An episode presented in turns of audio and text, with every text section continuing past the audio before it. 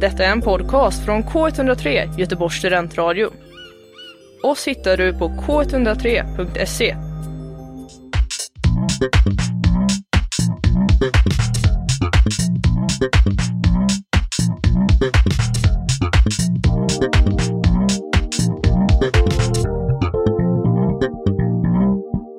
Hej och eh, välkomna till Bokkvartetten med mig, Maja, eh, Lisa, Nora och Alexandra. Eh, idag så kommer vi prata om Johanna Hedmans debutroman Trion. Ja, men eh, vi kör väl igång med en liten beskrivning om den här boken. Nora, vill du berätta? Eh, ja, eh, som, som vi snackade lite om innan så är det lite svårt att beskriva den här boken tycker jag för att det är inte så mycket som händer. Rent liksom händelsemässigt så. Eh, men man kan ju säga att den cirkulerar väldigt mycket kring tre karaktärer som då är den här trion. Eh, som är Tora, August och Hugo. Eh, och boken skiftar mellan Hugos perspektiv och Toras perspektiv. Och sen är det även i slutet liksom något slags allvetande perspektiv. Ehm, och i början får man också se Hugo som vuxen. Men eh, absolut största delen av boken handlar ju om dem som eh, ungdomar. Ehm, man får också mycket ta del av deras studentliv. Eh, det är mycket skildringar av liksom livet som student i Stockholm. Ehm, men framförallt väldigt mycket om deras relationer till varandra. Och komplexiteten i dem. Och alla känslor kring det. Och väldigt mycket fokus på, på miljöer skulle jag säga och språk. Men inte jättemycket som händer då, men mycket fokus på miljöer och karaktärer. Eh, ja, Ja, skulle jag säga. Jag vill bara tillägga att det är mycket detaljer Mm. i boken som inte är alltså, nödvändiga. Vi kommer Kanske att komma kommer in på det. in men på det. ja. Ja, jag, det jag, tänkte att det är viktigt att veta Okej. innan man läser Ja. boken att ja. Det är inte allt, det är väldigt mycket som inte är relevant. Mm, det är Eh, överflödiga överflödigt. mm, Och- Men, men jag tycker att det är det som skapar känslan. okej. Men jag skulle Men- säga att mycket av boken är känslan. Boken Ja. är känslan, Ja, boken och, är inte känslan. Så, och inte så mycket mer Nej, så. är inte så mycket Nej. mer. Och vad, vad, vad tycker du att den känslan är? Nej, melankolisk. Mm, Okej. tycker Ja, jag det är också. ändå- lite, lite dystert Ja. men ändå... Men ändå vacker. ja. Mm. Mm. Ja, det var Yes. Det är typ som ett så här-. Dovt. Det är som att mycket är i dimma men ändå Ja. mm, solsken. Ja. Och det var klyschigt. I parken lekte barn. På gatan körde bilar och bussar. Men det är, Ja. tycker jag, det är en stark Stockholmsskildring Ja. som, som vanligt. Mm. Men eh, ehm, Lisa kommer Mm. från Stockholm. Ja. Ja. Vad skulle du säga? Tycker du det är en bra skildring av Stockholm? ja, alltså det är inte en skildring på det sättet att man har porträtterat den liksom om, man- eh, om man tänker realism. Men det är väl mer, ja men fånga stämningen.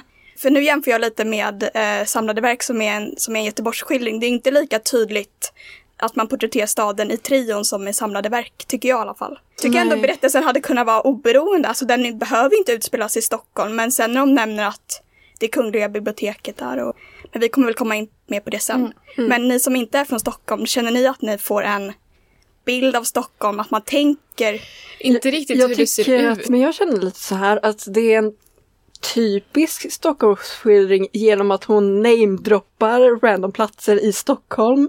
Och det är väl en rätt vanlig Stockholmsskildring att folk från Stockholm tror att alla vet var platser i Stockholm ligger. Eh, utan att beskriva den mer ingående än att åh, det är Kungliga biblioteket eller åh, Mm. det är den här gatan. Eh, eller Ja, det är mycket att Ja. de promenerar på gator, eh, Vasagatan och att den nämns i förbifarten, men det hade inte behövts.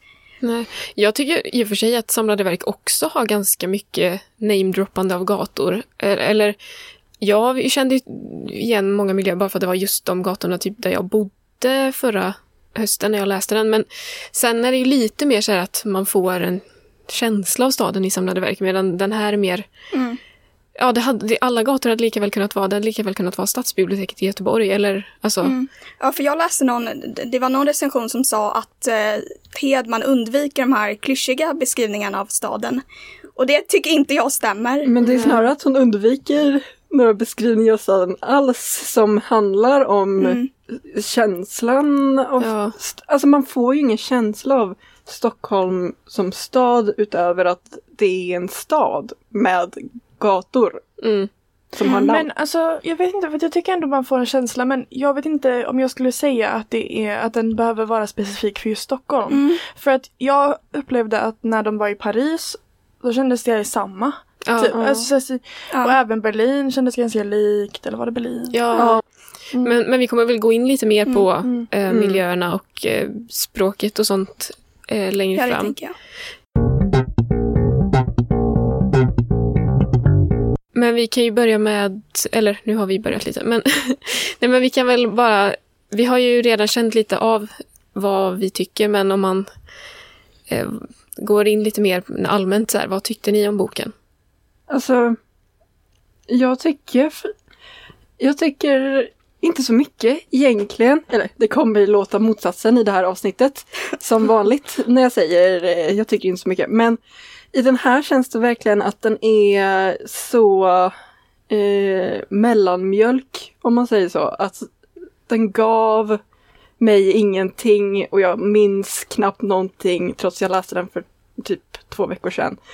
Eh, och jag kommer inte komma ihåg den om eh, en månad. Men Alexandra, du, kan lyssna på, ja, du får lyssna på det här avsnittet så du får minnas Ja, självklart. Ja. Eh, men den lämnar inte så mycket avtryck. Man säger så. Ja, jag är inne lite på samma spår, men till en början tyckte jag ändå om att vara i den, eller för jag tyckte stämningen var ändå ganska fin i början, men sen tyckte jag det blev lite ensidigt, därav eh, bristen. Men eh, ja, det händer ju inte jättemycket, men samtidigt kan man väl se det på så sätt att själva handlingen också är hur karaktärerna är mot varandra och relationerna där. Mm. Alltså, jag tyckte den var, som du säger Lisa, lovande i början. Men sen gör inte författaren någonting med det mer än Man vill att något Mer- oväntat alltså, ska hända. det händer ingenting och karaktärerna är så platta att man bara, ja ja, whatever, Ja. okej. Nora, vad säger du? Alltså jag, jag, eh, jag minns att, alltså förra veckan när eh, jag, jag, jag hade ganska långt kvar, jag hade inte ens lyssnat på halva boken. Ehm, då vet jag att jag kände ganska starkt att jag tyckte om den och gärna ville liksom hinna lyssna klart. ehm, till den här inspelningen. Ehm, men, men sen, alltså i takt med att jag så här, läste den mer och det inte hände någonting så har det försämrat eh, helhetskänslan. Men eh, jag tycker ändå att känslan och detaljerna i den här boken, de tycker jag om. Så att jag tycker den biten är väldigt bra. Men eh, det hade behövt kombineras med en mer händelserik intrig liksom. Men eh, alltså då, den faller platt till viss del men jag kommer nog ändå komma ihåg känslan som den gav mig. Och jag tycker det är... Jag vet inte, jag tyckte att den, den påminner mig lite om detaljerna. Mm. Och jag gillade ju den också. Eh, fast där hände det ju lite mer. Så den var ju bättre tyckte jag. Men just det sättet att skriva på som är väldigt detaljrikt önskar jag att jag kunde skriva på om jag blev författare. Jag, jag har också jämfört den här lite med detaljerna när jag pratat om den, men mer på det sättet att jag inte tycker, för detaljerna i detaljerna, de är ju ändå att de betyder saker och det säger mycket om händelsen och karaktärerna. Men i, den, i tri, trion finns det väldigt många detaljer som inte har någon vikt eller det finns ingen poäng med att ha med Ja. de här detaljerna utan det blir bara som eh, lite typ ordbajseri om man kan kalla det det. Mm. Att eh, man slänger in saker för att fylla en ordgräns mer än att det ska leda någon vart. Eh, och jag, jag tycker ändå att det finns ett skal till vad som kan bli en väldigt Mm. givande och Det är djup därför man och får ingående den bok. eh, alltså, lovande känslan i Men, början. ja, men det mynnar inte ut i någonting. Och då lämnas man med känslan att ja, okej. Eh, Vad ska jag... Det finns ingenting att minnas efteråt utöver att eh, den här känslan av eh, typ förlorad potential typ. Ja, Mm.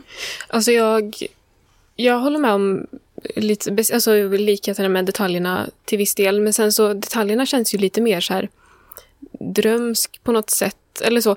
Men sen jag har hört denna dels mycket jämfört med, eh, alltså jämföras med samlade verk av Lydia Sandgren och eh, Sally Rooneys Normala människor. Och jag, samlade verk tyckte jag ju om och Normala människor tycker jag inte om. Men alltså det här kommer låta jättehårt men det känns som att trion är lite det jag inte gillade från samlade verk och, och normala människor i en bok typ. Och så det blir inte ett jättebra recept för mig. Eller sen, jag har väldigt svårt för böcker när allting baseras på att det är karaktärer som inte pratar ut med varandra. Ja. Så jag, det, fru- jag blir så frustrerad på det så att jag kan inte riktigt det stör mig för mycket, tror jag, för att jag ska kunna gilla att så här, ja, men den här boken är så. Utan jag orkar inte läsa det nästan. Mm. Nej men det är också en aspekt jag definitivt håller med om. För på det sättet påminner trion om allting jag inte gillade med Tomorrow and Tomorrow and Tomorrow. Ja. För där var det verkligen, där var en del av, nu är det spoiler för Tomorrow and Tomorrow, Tomorrow med själva känslan. Där var det att det, det handlar om vänskap, vänskap inom citationstecken. Och, men själva vänskapen är typ att eh, de här två personerna grälar hela tiden men kan inte säga liksom, varför de grälar eller ens vara ärliga och prata med varandra och det blir Mm, jag tror du väldigt den. frustrerande. Ja. Ja. Ja. Mm. Ja, för att deras, om man tänker Hugos och ehm, eh, Toras relation är ju väldigt mycket att man vet att båda vill egentligen något annat men ingen säger det och man bara Åh, man orkar inte se det. Liksom man ser det utifrån och så bara undrar man varför de inte pratar. Men de vill att den andra ska höra av sig. Ja, Vågar aldrig ta steget exakt. själv. Ja. Lite som att de skjuter det ifrån sig. Och på det sättet tycker jag ändå handlingen är lite undflyende. På ett Mm. sätt. Att den liksom aldrig tar tag i något. Eller ja, det är väl karaktärerna som aldrig gör det. Men det är... Ja, men jag håller med och jag tror att så här, för mig bidrog det till att jag inte känner så mycket för karaktärerna, alltså någon av dem. Mm. Det är lite Eh. som att eh, de är distans. För de be, det sägs ju som att de har väldigt djupa och starka känslor. Men författaren ger inte uttryck för dem på ett sätt så att man som läsare själv känner det. Nej. Nej. Nej men precis, det är mycket så här eh, författaren skriver att det är så här och så här Det är lite här. mer men det show finns ingen... än tell, ja. precis, Eller men menar det, inte tvärtom? det är mer Eh, Tell, men ja, det är mer tell tell. eh, Så det finns ingen i- underbyggnad för det som Mm. sägs i själva vad karaktärerna gör och liksom ens i texten Mm. finns det ingen underbyggnad. Det kan stå en mening att ja, August var alltid så här. Men att Och Tora blir var djupt sårad. Ja. Hur, alltså Ja. visa henne, eller eh, beskriv henne på det sättet hon är när hon är djupt sårad och inte bara hon blev djupt sårad och gick vidare eller Ja, någonting. eller att bara, för det är mycket så här, ja, Tora blev djupt sårad och sen blir det inte ens någon fördjupning om hur Tora känner eller ens hennes, vad som pågår inne i hjärnan, utan det är skrivet ur ett jag-perspektiv som är väldigt distanserad från jaget som det är skri- Ja, skrivet utifrån. ja, men det håller jag med om. Mm. Ja. Ja. För jag läste en recension och då anmärkte de också på det. Eh, själva om en skrattar går, alltså det känns inte som de gör det. Och då var det någon som hade skrivit, jag minns inte vem exakt, men det var i alla fall en recension som hade skrivit de skrattar. Men skrattar åt vad då? Alltså så här, det nämns inte, för det nämns bara i förbifarten att de skrattar. Nu har vi ju redan lite så här, inte, det låter inte superpositivt, men har vi någon här man skulle, kan man ge någon sorts rekommendation? Eh, Men eller, alltså jag, jag skulle ändå säga, jag skulle liksom inte sträcka mig så långt till, som att säga att den inte är läsvärd på grund av allt detta negativa. Um, alltså så här, den är absolut inte en av favoriterna men jag ångrar inte att jag, att jag lyssnade på den, att jag tog del av den. nej. Jag skulle väl inte säga att jag ångrar att jag läste den, men för jag tycker ändå att för den som vill ha den här typen av böcker så finns det redan andra böcker som har gjort samma sak fast tio gånger bättre typ. Ja. Så jag hade väl inte rekommenderat den här boken till någon så, men om man är en sån som gillade, nu har inte jag läst samlade verk, men eh, det får ni säga om det, men om det är någon som ändå gillade samlade verk eller normal people så är det ändå, då kan man ju ändå prova. Ja, för även Ja. om den är ett visst snäpp, eh, inte sämre, men inte, eh, inte uppfyller kraven på samma sätt, så är det ändå intressant att göra en jämförelse om man har läst den tidigare boken, Ja. Samlade verk. Men om man tänker eh, att rekommendera, kanske ja, men i vår ålder, 20 år Ja, alltså, ungefär. det är ju mycket om Studenter. studentlivet. Ja. Liksom. Sen om de är trovärdiga som är studenter, som de pratar om det de gör, Ja. känns ju inte heller jätte... Men det känns nästan inte det. som att det är en bok för studenter utan för folk Men unga som är... vuxna kanske? Men jag skulle ändå säga att det känns Ja, det mer är som kanske typ som är 30 plus eller som har varit Mm. studenter och som vill tänka tillbaka på den tiden känns det mer än att det är en bok som eh, riktar sig mot studenter. Mm. Men unga Ja. vuxna kanske? Mm. Ja, men jag tror Ja. att det är lite mer, mer vad man är intresserad av än själva åldern här. Som Ja, jag tänker om man, om man älskade normala människor, samtal med vänner, den sortens bok, så tänker jag att om man bara vill ha mer av det så kan man ju absolut läsa den här. De kanske inte kommer uppfylla, alltså den kanske inte är lika bra, men jag tror inte att man blir miss... Alltså jag tror att gillar man verkligen det så kommer man ju ja, då- säkert gilla den här också. Ja, Och sen det kan jag också- Jag mig. gillade ju inte normala människor och det blir ju därför gillar jag inte denna för att den är så lik på det sättet. Men, Men, jag kan ändå tycka att för att försvara normala människor lite så även om det, det, det var absolut inte en favorit, favoritbok eller någonting men jag, jag kunde ändå uppskatta normala människor för vad den gjorde och sen var den också så pass kort att det kändes inte så utdragen. Men den här boken, för att eh, den är ju typ eh, längre än normala människor tror jag. Men ändå är den inte kanske- jättelång. Ungefär vet lik. inte. De kanske är lika Ja. långa. Men det kändes som att den här var mycket längre än normala människor. Ja. Normala människor var ju en lättare läsning på ett sätt. Den här var lite mer utdragen tyckte jag. Men också om man tycker om, ja, om man vill ha lite så här stillsamt och stä- fånga Mm. stämningen och ja, det är lite subjektivt där också vad som är stämning och inte hur författaren beskriver det. Men då skulle jag rekommendera den här boken. Mm. Nu när jag tänker efter så känns det som att det egentligen sam med samtal med vänner som är mer lik. Ja, Den det, här. det vill jag ändå säga att Samtal med Eh, vänner är Det är också Sally Rooneys eh, debutbok. Ehm, så, eller ja, hon har ju väldigt utpräglad stil som hon följer. Och Ja. eh, ja, ja, Men, den är ganska lik det här. ja, Ja, för recensionerna har ju typ, typ nästan uteslutande kopplat det till samlade verk. Sen nämns ju normala människor, Ja. men det är inte Men jag skulle säga att eh, Sally Rooneys typ av liksom händelseförlopp och till viss del lite språkmässigt också kanske. Och Ja, men- misskommunikations... Ja, eh, misskommunikation. trå- Men jag tycker ändå att sättet Sally Rooney skriver är mycket, lite mer så här målande på ett sätt. Man kommer in i det mer, medan det här är lite mer distanserat på ett sätt. Men om man gillade normala människor och samtal med vänner för dess handling och för dess karaktärer och sånt, då kan den här vara potentiellt en bok man också gillar i alla fall. Yes. Ska vi gå vidare in på eh, spoilers eh, och eh, karaktärerna? Yes. Eh, Ja. Det handlar om tre personer då. Hugo, August och Tora. Och de är väldigt ja, men, nära varandra. Men, men när skulle ni säga eh, att det brister mellan dem? När upptäcker ni det? Mm. På, på något sätt är det ju som att eftersom man har den här början med sig så vet man ju på något sätt redan att Ja. det är, vad ska man säga, att allt, eller it's bound to happen, eller jag vet inte hur man ska säga, eller att det kommer komma Mm. någon gång. Men lite känns det som att det redan någonstans, alltså de åker till Paris ganska tidigt och då känns det som att det händer någonting.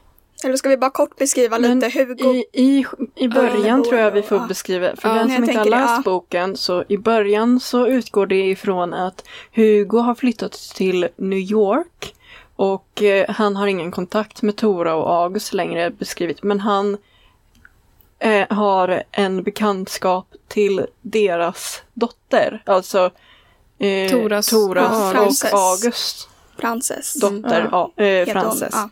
Och man Eh, förstår också att August inte lever längre väl? Va? Ja, Just det det. tror jag. Ja. Precis. Men Eh, jag fattade inte förrän i slutet, sista delen, att det var August som var pappan. Mm, Alltså jag tänkte bara jag? ändå Men jag det. tror att för de, de, eh, det beskrivs i början hur Frances vill lära sig mer om sin pappa som hon aldrig fick lära känna så bra tror jag det står. Ja. Och då kan man ju tänka sig att eh, antingen att de Eftersom att man inte har hela berättelsen i början så kan man ju antingen tänka sig att föräldrarna antingen har skilt sig och att August went no contact eller att han dog. ja men det var bara det att jag förstod inte att det var August som var pappan. Ah. Alltså jag fattade att det var något som hade hänt Men du förstod det i pappan. slutet Jag förstod det i ja. slutet. Mm. Ehm, Alltså det står ju inte tydligt att det var August som var pappa men jag tänkte att det var det. Ja, alltså jag har säkert bara missat någon detalj. Frances kommer ju dit och säger. Jag tror du kände min pappa. Och då Just tänker man att det kommer vara, det kommer ju vara dem, tänkte jag då. Liksom. Men ja. Ja, nej det var bara jag som missade det då. ja. Men det är bokens första del. Sen andra delen kopplar man ju till dem när de är unga. Och då bor ju Hugo, eh, han är inneboende hos eh, Laura och Aron. Eh, det vill säga eh, Toras föräldrar. Ehm, ja, och eh, Tora och August är väldigt bra vänner. Så därav känner ju de varandra redan. Eh, och sen är det väl någon kväll när Hugo är där som, nej, nej, nej när, det här blir väldigt rörigt märker jag. Ni får gärna hjälpa mig. Nej men det blir ju typ, om man ska, summan av kardemumman är väl att eh, eh, Hugo blir vän med August och därigenom blir han till slut också Det är som att Tora nära står med mellan. Tora. Ja. Typ. Ja, och Tora är väldigt tydlig med, från hennes perspektiv, att hon inte gillar Hugo i början. Och att då, då det växer fram någon relation. Men man liksom, Men just för mig att hon är det är så så teckn, tecknena ja. på att de, hon skulle börja gilla honom kommer aldrig. Så plötsligt så Nej, är de exakt. tillsammans och börjar liksom eh, ligga med varandra och så här, nästan bli som ett par, fast det är typ outtalat på något sätt. Eh, och jag förstår aldrig liksom, när skiftet kommer från att hon det börjar med att hon bara, jag visste att jag gillade, hu- eh, ogillade Hugo första gången jag såg honom. Alltså På jag, Och ett sen- sätt tycker jag det är ett tecken. Alltså så här, Ja. Eller för man tänker ju om hon ogillar honom så starkt, av vilken anledning då? Kanske ingen anledning. Och då, det är inte trovärdigt sen att de blir kompisar på det sättet som du beskrev, men det är ändå ett tecken på ett sätt. alltså jag Ja. tyckte att det var självklart från början att eh, Tora gillade Hugo för det är den klassiska så här Mm. som man säger till barn typ ja men han bara drar dig i håret för att han tycker om dig typ, vilket ju är harmful men alltså förstår ni att det Ja. så här Ja. ehm, jag tyckte det var uppenbart att det var för att hon ja, skulle börja tycka om honom men ehm, men eh, jag håller med om att skiftet från att hon fortfarande är väldigt bestämd över att hon ska vara kylig mot honom till att de blir vänner var ganska, jag fattade inte riktigt vad Nej, det var nej men det gick där. bara så här bara, ja plötsligt var de Mm.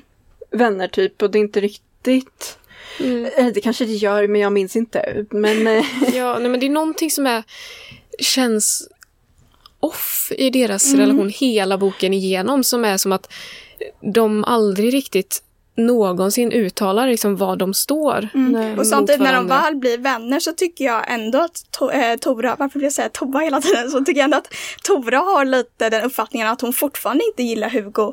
Ja, De är vänner men det är fortfarande den här lite avvaktande känslan ja. kvar. Och det är som att hon hela tiden går och väntar på att han ska på något sätt bevisa att han...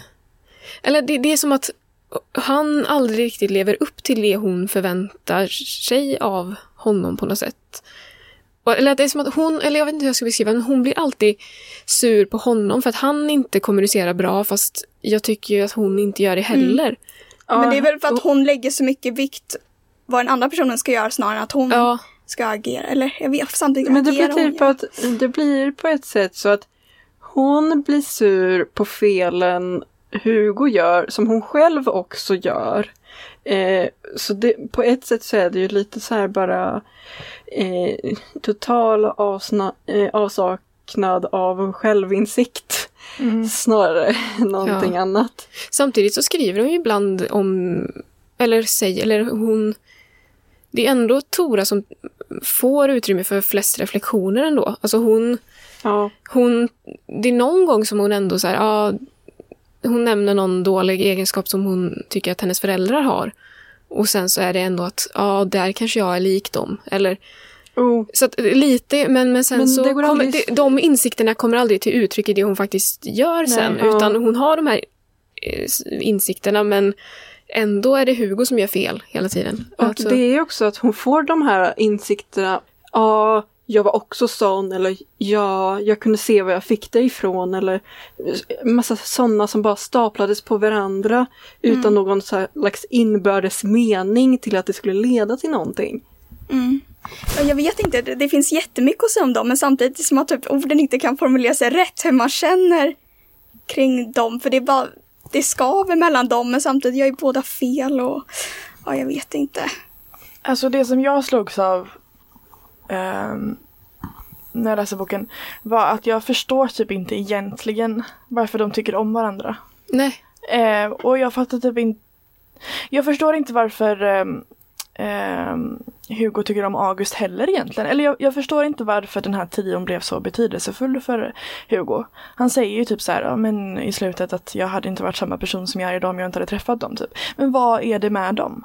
Mm. Som är Men så att han speciellt? känner en känsla av samhörighet. Men det här med att Hugo och August är kompisar, det köper jag ändå. För jag tycker ändå att de i början har, alltså det är en vänskaplig relation och den känns ändå trovärdig på det sättet. Eller man får liksom båda håll, ja lite inblick där. Men Ja, alltså jag fattar att de Ja. är polare typ. Men alltså så Ja. vad var det som gjorde att eh, eh, hans liv blev ändrat? Nej. Nej, alltså där förstår jag definitivt vad du menar. Alltså att de, men att de blev kompisar tycker jag ändå är, ja, det är väl rimligt baserat på hur August är beskriven som person, att han var mycket mer så här öppen och att han ändå, han tog kontakt med människor, han valde folk han gillade och så blev de bästa vänner typ och sånt.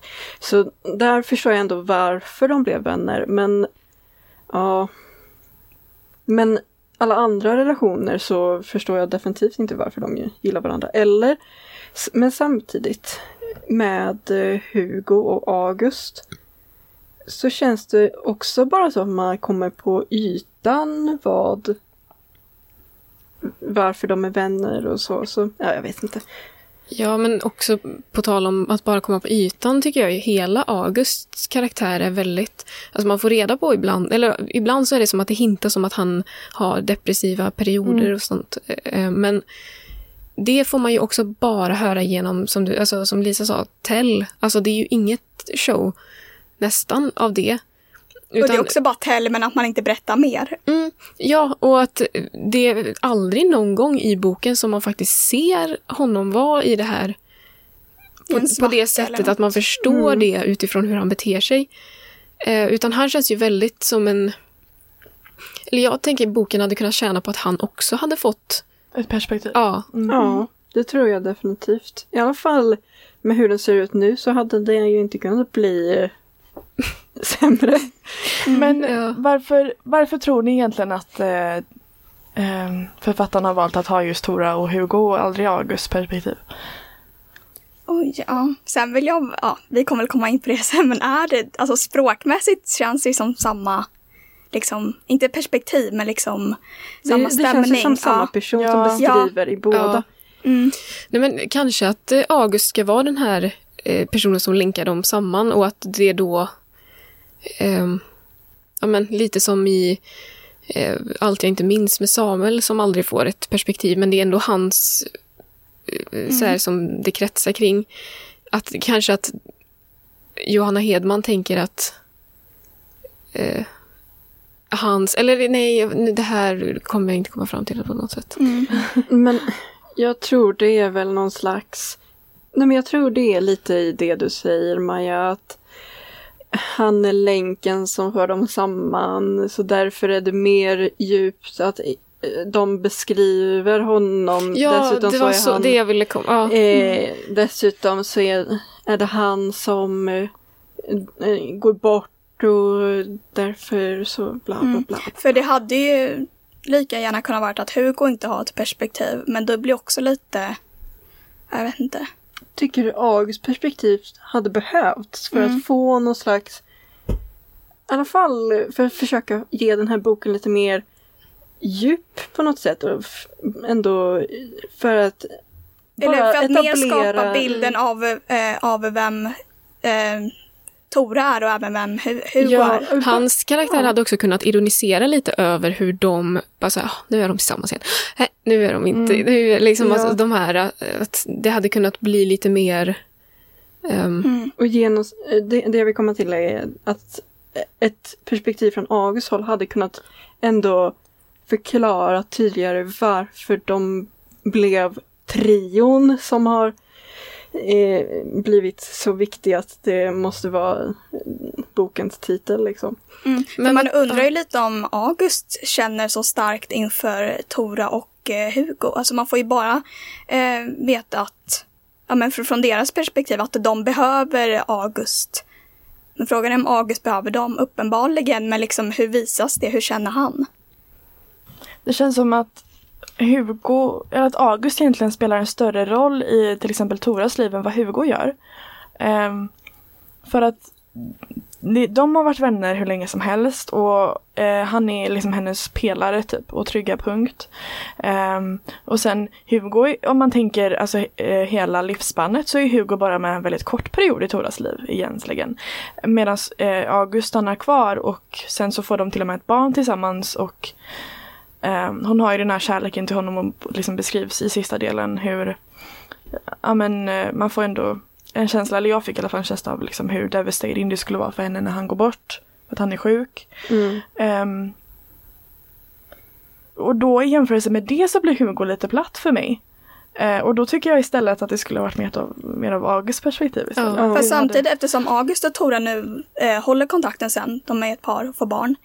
På det sättet så representerar, alltså det, det, det representerar ju inte Augusts perspektiv fullt. Men man vill ju ha liksom från båda ändarna. Mm. Och samtidigt kan jag ändå tycka att utav de här tre karaktärerna som är trion så är ju August den som är, verkar vara den som är mest intressant som liksom karaktär och person. Men man får det man vill ha mer av. Lämnas man bara liksom lite så här bitvis med information om att åh, han hade en, en knackig relation med sin pappa. Det vill man ju veta mer Mm, om. och Men det får hans inget bror om. och, ja, relationen hans bror och hans relation. Men eftersom man inte har Augusts perspektiv så får, kan man ju bara se det genom hur de här andra karaktärerna ser det. Och eftersom att de inte är, verkar vara så jätteintresserade mer av den här delarna utöver det mer, ja, han, hans pappa såg ut på det här sättet eh, eller så. Och då blir det ändå att man lämnas med önskan att jag hade velat veta mer om den här karaktären. Ja, för det uppfyller heller inte när, för, för till exempel när Tora beskriver um, um, Augusts relation med sin pappa så är inte det lika djupt. Det är typ bara vad hon antar eller någonting. Ja, hon kan ju omöjligt veta hur han... eh, eh, Det hade ju varit mycket så här bättre att ha den perspektivet från August och få den direkt från honom för det hade ju känts ändå mer slående. Samtidigt att det just är Tora och Hugo är ju på ett sätt ändå inte rätt, men eh, får man tänka handlingen, att de inte pratar med varandra så är den ganska dynamisk där att man kanske inte får ett perspektiv till, utan man tvingas liksom hoppa mellan dem. Men samtidigt, det kanske är att man inte har med August, kanske är för att då blir Hugo helt ointressant. Det kanske Jo, bara är så lätt. han, han, han tillför ju verkligen noll, känner jag. i Men jag här- hade velat veta från Augusts perspektiv hur han orkar med Tora. Ja, Mm. Vad, det, det måste ju vara någonting mellan dem, eller liksom som, han, som hon tillför eh, i hans liv som, som är så enormt viktigt att han orkar stå ut med allting i alla dessa år. Så jag hade velat veta mer om så här, vad är det som binder dem tillsammans? ja, det är ju deras relation egentligen som är mest Ja. intressant. Alltså det, Alltså, den här, som ni säger, som du säger, Hugo bara kom in och sen försvinner han och sen, ja. Hugo är ju egentligen helt, eh, han är en detalj här som är egentligen helt ointressant. Ja, det inte- det hade kunnat se ty, typ någon, eh, det, det är ju absolut inte lika intressant som relationen mellan Tora och August. Hugo, han, det är mer att han bara är där och sedan eh, sticker han till New York. Så Ja, han Ja, är ju en, en som mycket. fick en liten inblick i en duo snarare än att de var en trio. Ja, Ja, och varför är han still obsessed with her Ja. all these years later?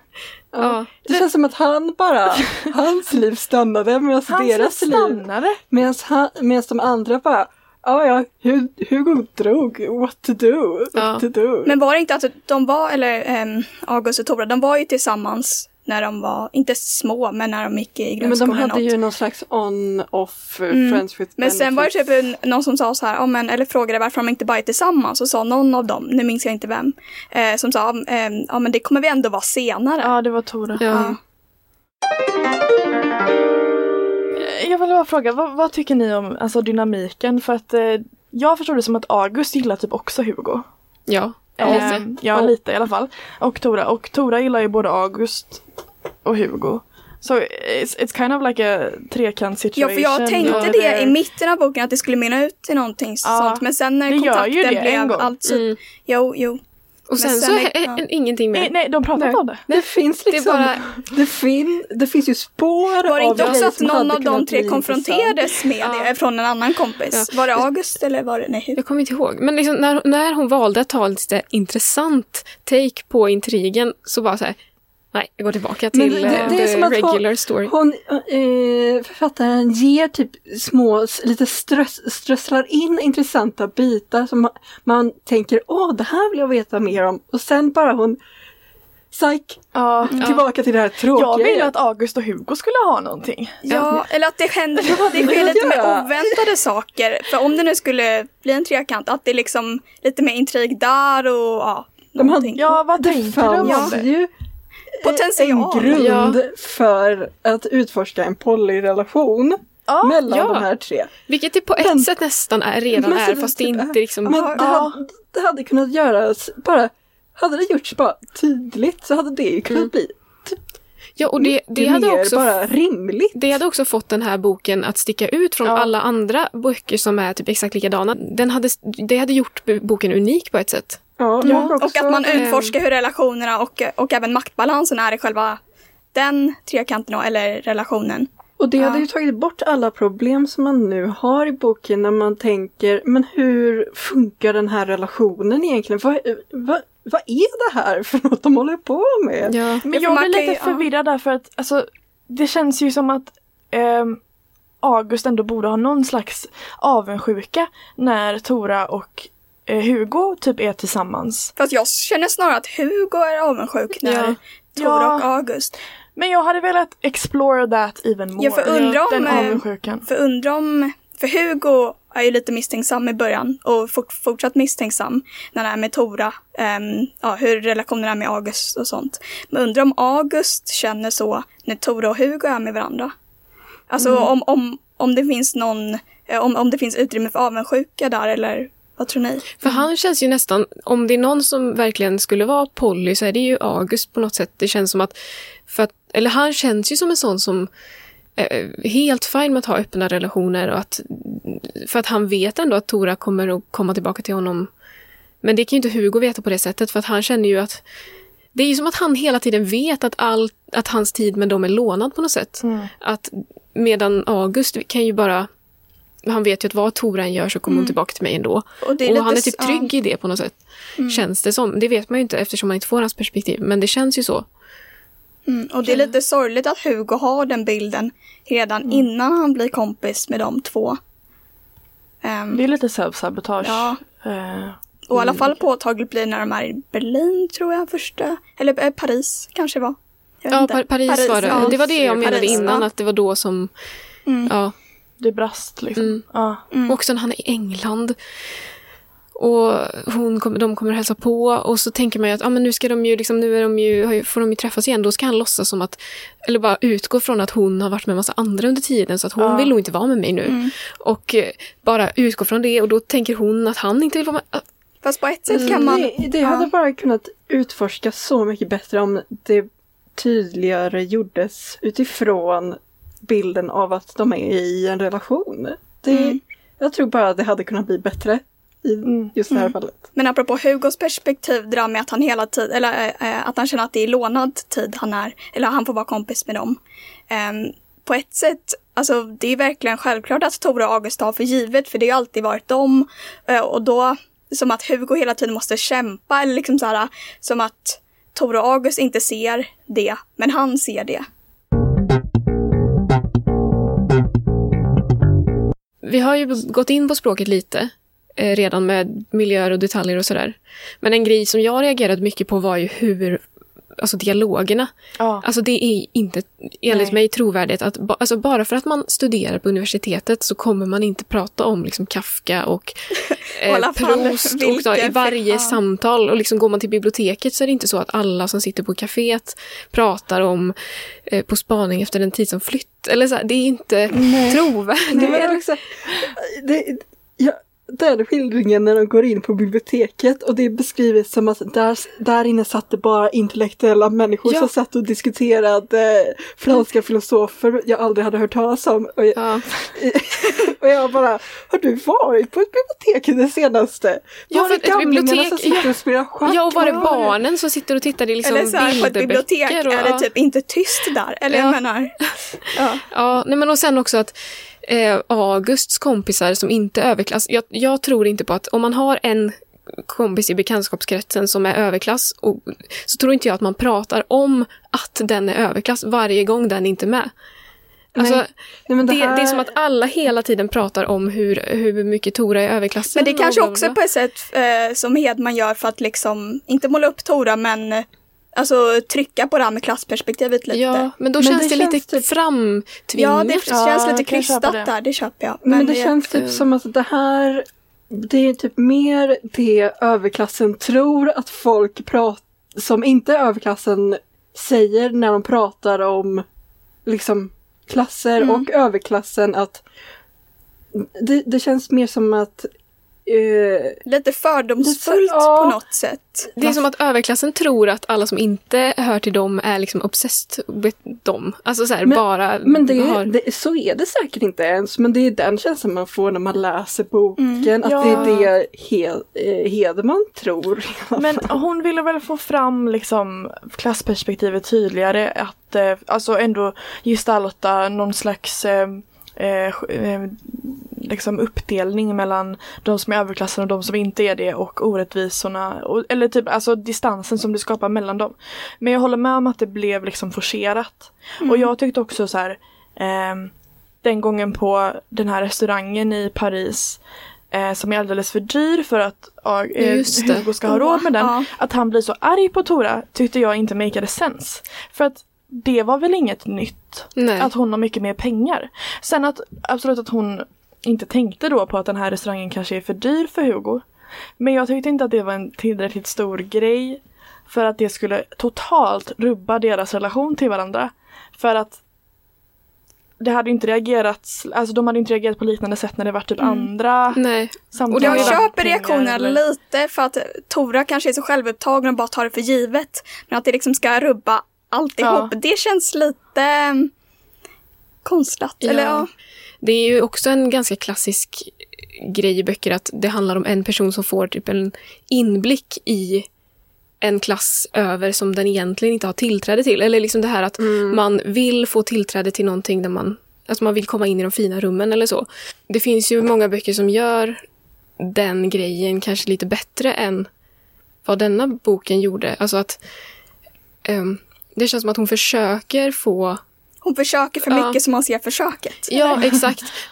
Men att det är bättre om man inte tänker på det lika, alltså om man inte Men att det Ja, sker uppmärksammar naturligt. Ja, Naturligt. Det, det För, blir ja. ju så uppenbart forcerat som du säger i just trion vad författaren försöker göra. Att man känner mer någon slags trötthet och och bara redan så här mättnad. Alltså det här kommer inte tillföra någonting i den här diskussionen som man inte redan har läst 500 gånger. Mm. Eller Men det är också lite att, eh, ja, men att rabbla upp franska filosofer och författare och sånt. Frågan är ju, alltså det märks ju på både författaren men också karaktärerna om de har läst Kafka eller om de verkligen har läst, alltså så här djupt. Eh, eller, eller om man bara slänger med det i förbifarten. Ja, och sen undrar jag... Det är som att hela, eh, hela Toras släkt är, verkar ju väldigt belästa och de kan mycket. Men där undrar jag också... eh, är det verkligen så att bara för att man Som att tillhör överklassen så blir man ju inte Ja. automatiskt akademiskt kunnig heller. Nej. Utan det är ju, där tänker jag ju nästan att det, det här, jag vet ju inte, men att det måste kunna finnas tvärtom. Att eftersom man har mycket pengar så behöver man inte, behöver man inte lära sig så mycket. Man behöver inte plugga utan man kan bara, alltså så här, vissa, det måste ju finnas många i rika som inte kan uttala sig om Mm, men jag har nog, alltså om man tänker överklassen så, så har jag nog en bild för både och. Både de som liksom är väldigt kunniga men också de Ja. som bara, vad ska man säga, kanske lite konstigt uttryckt, men lever på sina pengar och inte gör, alltså gör någon Mm. ansträngning. det, jag menar inte att jag tror att överklassen är det ena eller det andra, utan det känns som att hon bara målar överklassen som de här akademikerna. Man komma ihåg Men att jag, und- jag undrar om det verkligen eh, är så enkelt. Det var mer så. Och det är en del av skildringen som gör det icke trovärdigt. Det är ju att de här karaktärerna som ska vara bildade, de är ju bildade i typ alla ämnen. Mm. Arkitektur, är, politik, konst, litteratur. Ja. Det är inte rimligt. det är inte rimligt. Det är okej om Man Tora är-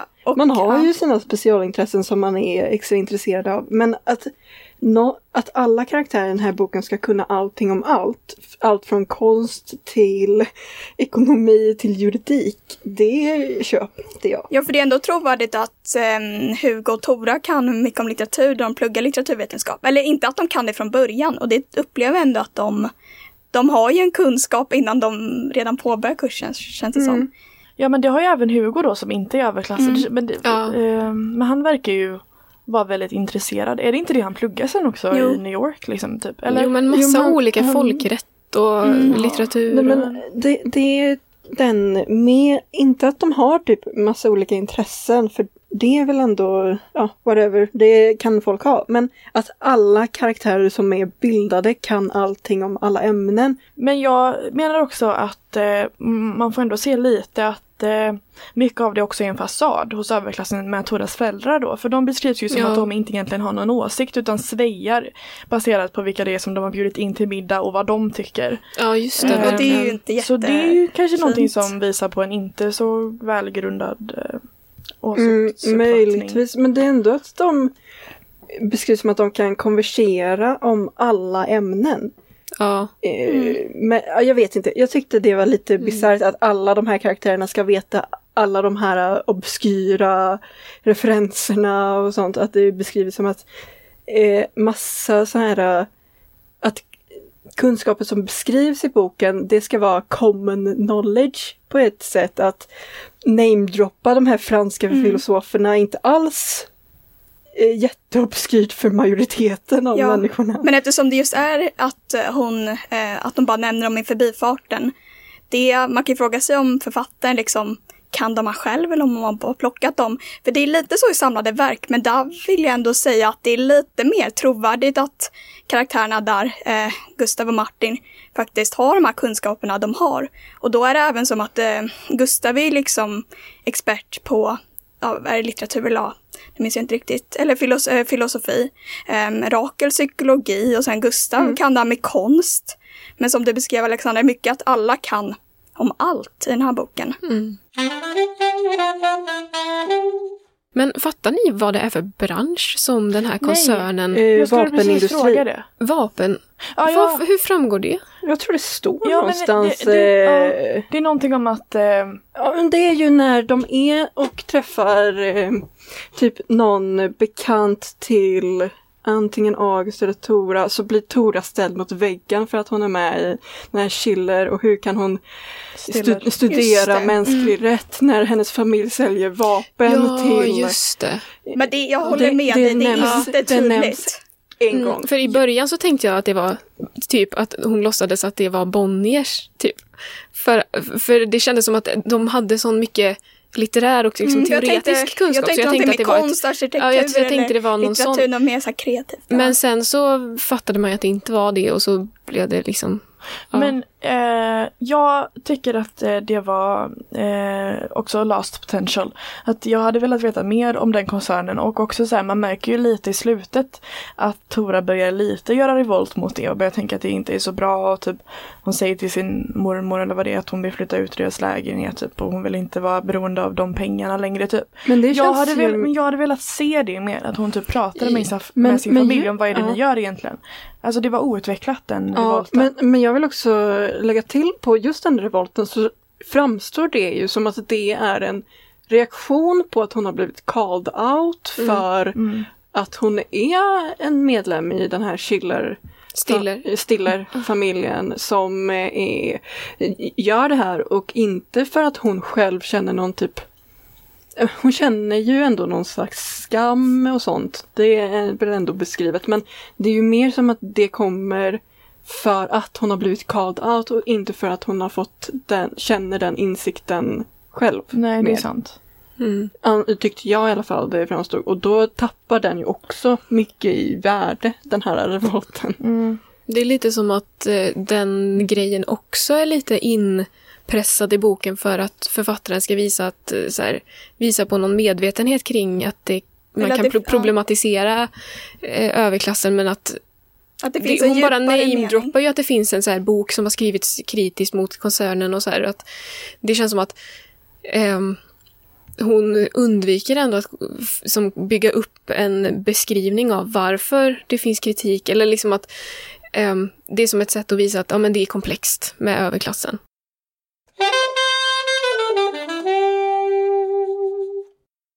Vi har ju ändå upplevt att boken är lite, så här, lite tråkig eller att det inte händer någonting. Men kanske att den hade tjänat på att faktiskt vara längre då. Och få in mer av, alltså kunna utveckla och utforska de här. Om den är längre men som- samtidigt med samma ensidig, eh, ensidiga ton och liksom... Nej, nej men jag menar ju då att då hade man ju okej, kunnat, ja. alltså om, om man, alla de här grejerna vi hade velat se mer av, vi hade velat se mer av August och allting, då kanske den hade behövt få Antingen det, utrymmet. eller Men jag tajta tror- till. Ja, ja kanske. jag, tror, jag tycker det är mycket i den här boken som hade kunnat spatas bort. Och då hade man kunnat mer naturligt få pl- mer plats Mm. Har ni märkt att en del miljöbeskrivningar Bitarna. återkommer? Alltså, Det är exakt ordagrant. Jag skrev ner, det var någonting med att hon, eh, hon nuddar inte stolsryggen eller någonting när hon satt på en stol. aha, Det kommer okej. två gånger. Oj. Och sen tror jag Ja. det finns något annat också. Men det är väl inte skandalöst? Nej. Det är Nej, ganska nej, lång jag bok. vet. Jag reagerar Ja. mest på de här onödiga när, när de sitter inne i ett rum och så, så, här, så står det typ vilken färg gräset hade ute. Man Ja. bara, fast ni är inte ens ute, det spelar ingen roll. Nej. Fast min Eller- bästa är ändå i parken lekte barn. Ja. Men jag tycker nog att det finns mycket så här passager som kan tas bort. Inte, inte bara för att eh, det är mycket detaljer men också för att så här, det är väldigt många gånger som den här trion typ ses och ingenting händer. Typ. Alltså så här, Mm. någon går till biblioteket en dag men ingenting händer. Så det hade man kunnat ta bort. Och, ehm, för det i och med att det inte är så mycket som händer De tar en så kaffe. kan man ta bort Ja. väldigt många. Ja, precis. Det, Händelser. Ja, precis. Det är mycket som man hade bara kunnat bara sitta och stryka och sam, fortfarande fått samma historia till sig. För ibland tar en kaffe och pratar något, eh, om något som inte är jätteviktigt för just boken. Samtidigt, just att de ses och att det inte har betydelse för själva handlingen är ju också på ett sätt en framåtskridning. Men det är... Ja, Men när Att de hela inte kommer någon boken är det, då blir Jo. det ju verkligen att det saknar eh, mening. Alltså den här boken blev ju väldigt hypad i början, eller innan den ens hade kommit ut. Och att den fick rättigheterna sålda till Ja. sju länder. mm. Översättningen. Alltså, hur... Men jag Tror tror, att, det är ett litet till? misstag där. Att så här, kritikerna eller vad det nu är som säger att den här boken är lovande. Att de har gått på, eh, jag menar att de har baserat eh, de har sagt att boken kommer vara bra för att den har sålts till sju länder. För man lägger liksom så här, Men det måste ju ha sju länder jag vet, ja. ge, på grund av någonting, eller? Ja. Det är väl varför? Jo men det var väl jämförelser med stora namn. Men. Ja. jag tror det kan ligga någonting i att den blev, på sättet den är beskriven, så får man ju verkligen en bild av hur boken ska vara. Och bara baserat på den premissen så hade man kunnat få upp mycket hype kring det. Men det är samtidigt folk, någon måste ju tycka att den här boken är bra. Ja. Ja, för att det var som att, jag läste lite igår, att det var som att eh, vissa hade hypat upp boken och sen till och med när deras egen recension kom så var den mycket svalare än deras men- första hype av boken. Men då kanske det snarare att, för när man säger att en bok är jätte, jättebra, då kanske boken bara är jättebra och inte liksom två gånger. Men det, Så ja. den är ju fortfarande bra, men då la väl, då var, då la väl recensenterna liksom tyngd åt att ehm, liksom rätta till sin hype, eller vad man säger. Ja, Ja, men det kanske var, ja, de får väl, recensenterna får väl förhands eh, Mm. och sånt, så den kanske De har ju var... läst dem. Ja, nej men det, de, de får ju sådana, innan boken kommer ut så får de ju förhands Ja. som kanske inte är 100% klar. Så där kanske det fanns grejer som togs bort senare som... Mm, fast jag har svårt att tro att det är mycket, alltså det, kan har ju ändrats. så... Men det borde ju ändå vara samma språk, känsla, stämning, mm, karaktärer. Men ja, eller det kan ju ändras lite. Men mm, samtidigt, jag vet inte hur mycket som de här recensenterna läst och sånt när den här hypen kom. Men det är väl lite av den här eh, att böcker idag har hamnat lite mer av någon slags fast fashion-aktig industri. Att mycket är bara baserat på vilken bok är populär på sociala medier just nu eller vilken bok trendar och det drar mycket sånt i typ en månad och sen dör den boken och ingen pratar om den igen. Så det kanske var så 2000. Ja. Ja. Sen är det också 21 när den oundvikligt att recensenterna, om de tidigare i en, eller jag vet inte om det är en recension de gör när de bara läser ehm, boken, eller förhands någonting vad man säger.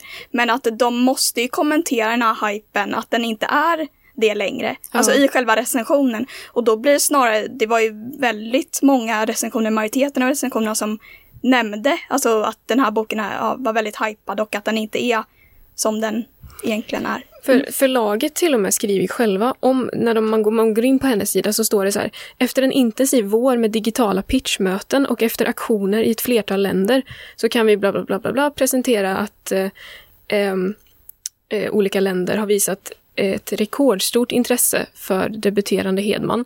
Och då låter, det får det ju låta som att det handlar bara om hur mycket reklam en bok får. Liksom. Att förlaget åker omkring och ha pitchmöten med andra länder. Alltså då, då är det som att de har bestämt att den här boken ska vi satsa på. Och en annan bok som är minst lika bra kanske de inte vill satsa på. Och då, eller det känns ju som att... Mm. Men också att recensenterna har, då har tagit, alltså så här, det som hände att, det, att den har sålts till sju länder, att de har det i åtanke, eh, att Ja. de liksom baserar hypen på det. eller Ja, men att först gör de reklam så att länder vill ha den. Sen så använder de att länder vill ha den som bevis för att den då är bra. Eller alltså, Men jag tänker att om den då på vissa sätt, nu har inte jag läst samlade verk, men om den liksom var lik den.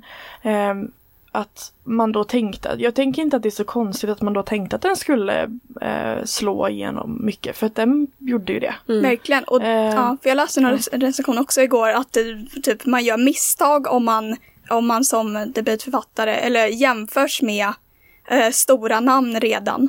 Ja, För det bygger ja. också upp, som du säger Nora, det bygger också upp en förväntan. Mm. Men har eh, Lydia Sandgren, har hon sagt någonting om boken? in, inte vad jag jag vet. tror det var inte det. intressant. Ja, det är, Ja, hon har säkert läst den. Men Ja. det, Ja. För jag tänker utåt så borde de ju ha spelat mer på Sally Rooney-jämförelsen, tänker jag. Ja, det tror jag. Men inom Sverige är det nog eh, samlade verk som har fått det mest. Mm. Men de måste väl ha haft någon eh, väldigt intensiv PR-kampanj för att sprida trion. Ja, det verkar ju Det- så. Och det Men jag tänker att det måste ändå ligga någonting i den. Alltså att man tänkte Ja. att den här kommer det gå bra för så Ja. vi väljer att Kan- satsa ja, på den. verkligen. Alltså det måste ju funnits någonting i själva läsmaterialet. Som Men samtidigt, det kan vara också, har en bok en bra premiss idag, då kommer den sälja. då storsatsas den på. och då, då, då spelar det ingen roll vad som står i den. den kom, Men den här har ju ingen bra premiss.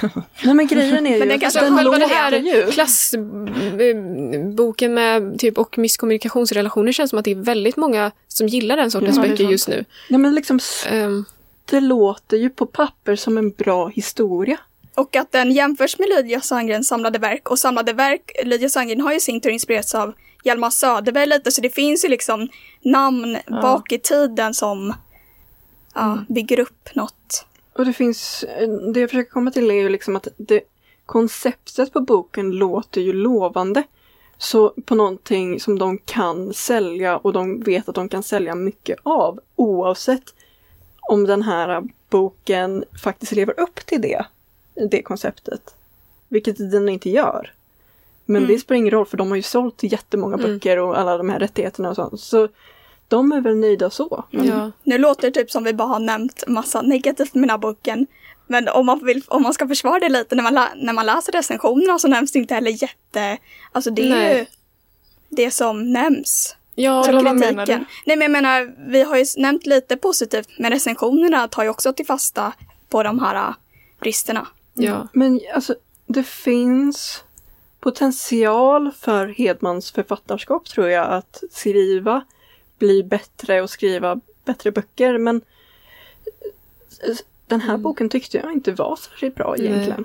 Det är nog också kanske, som du var inne på Lisa, att det är nog lite okänsligt mot henne också att det har blivit så här upphypat med den första boken och att recensionerna sen har liksom varit Mm. att den inte inte, inte lever upp till hypen. För att det kan ju göra att en bättre bok som hon skriver längre fram inte kommer att få lika mycket uppmärksamhet för att folk har det här med sig. Ja. Mm. Och det är ju lite synd för att hon eh, kan ju säkert göra bra. Men det är inte Ja. hennes, alltså hon kan ju inte då för att det är andra som har liksom sagt att den här boken kommer vara jätte, jättebra. Hon blir säkert jätteglad. Men om hon inte lever upp till de förväntningarna så, Och man måste ju komma ihåg att eh, Hedman är debutförfattare. Ja. Så då är det ju klart att det kanske är lite svajigt i första men samtidigt ska man ju också i det här fallet komma ihåg att den har blivit så pass hypad och när den kom så var den ju så, så, så stor att då får man ju nästan tänka lite mer på sig själv som Alltså på läsarens Mm. sida. Att Ja. Man har ju ändå lagt tiden att läsa den här boken för att den varit så hypad. Och sen lever det inte upp till förväntningarna och det måste ju man rimligtvis kunna peka ut. Mm. ja. Sen, jag har hört några hyllande recensioner också Mm. eh, av så, i några stycken.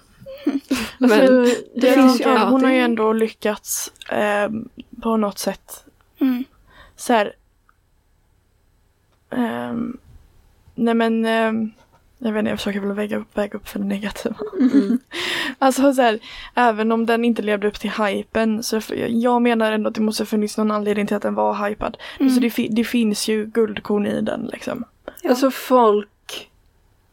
Det finns ju de som gillar den mycket Mm. mer än vad vi gjorde. Ja. Men också ens åsikt kring boken bottnar ju också i det där med förväntningarna är skyhöga. Mm. Eh, boken lever inte upp till dem. Nej men då är den ju, jag tycker ändå boken är bra. Men den är inte jätte, jätte, jättebra. Nej, Nej. jag tycker verkligen att boken är helt okej. Men inte så mycket mer än det. Eh, ja, eh, det var våra tankar om trion. Eh, och ehm, nu så kommer det inte komma några mer bokavsnitt för det här året, utan det kommer några stycken lättsamma avsnitt på rad framöver. Eh, när vi spelar in det här nu så har det inte eh, blivit klart än vem som vinner Augustpriset, men när avsnittet kommer ut så kommer eh, det att vara avslöjat. Och eh, vi planerar att nästa bok vi läser blir vinnaren. Och eh, så att om du känner för att hänga med på den läsningen så passar det bra att läsa den över jul. Håll utkik på vår Instagram så kommer vi hålla er uppdaterade med vad som kommer härnäst. Ja, absolut. Ja. Eh, vi kan väl eh, säga glad advent och eh, tack så mycket för att du har lyssnat på det här avsnittet. Så hörs vi igen om två veckor. Bye bye! Hej då!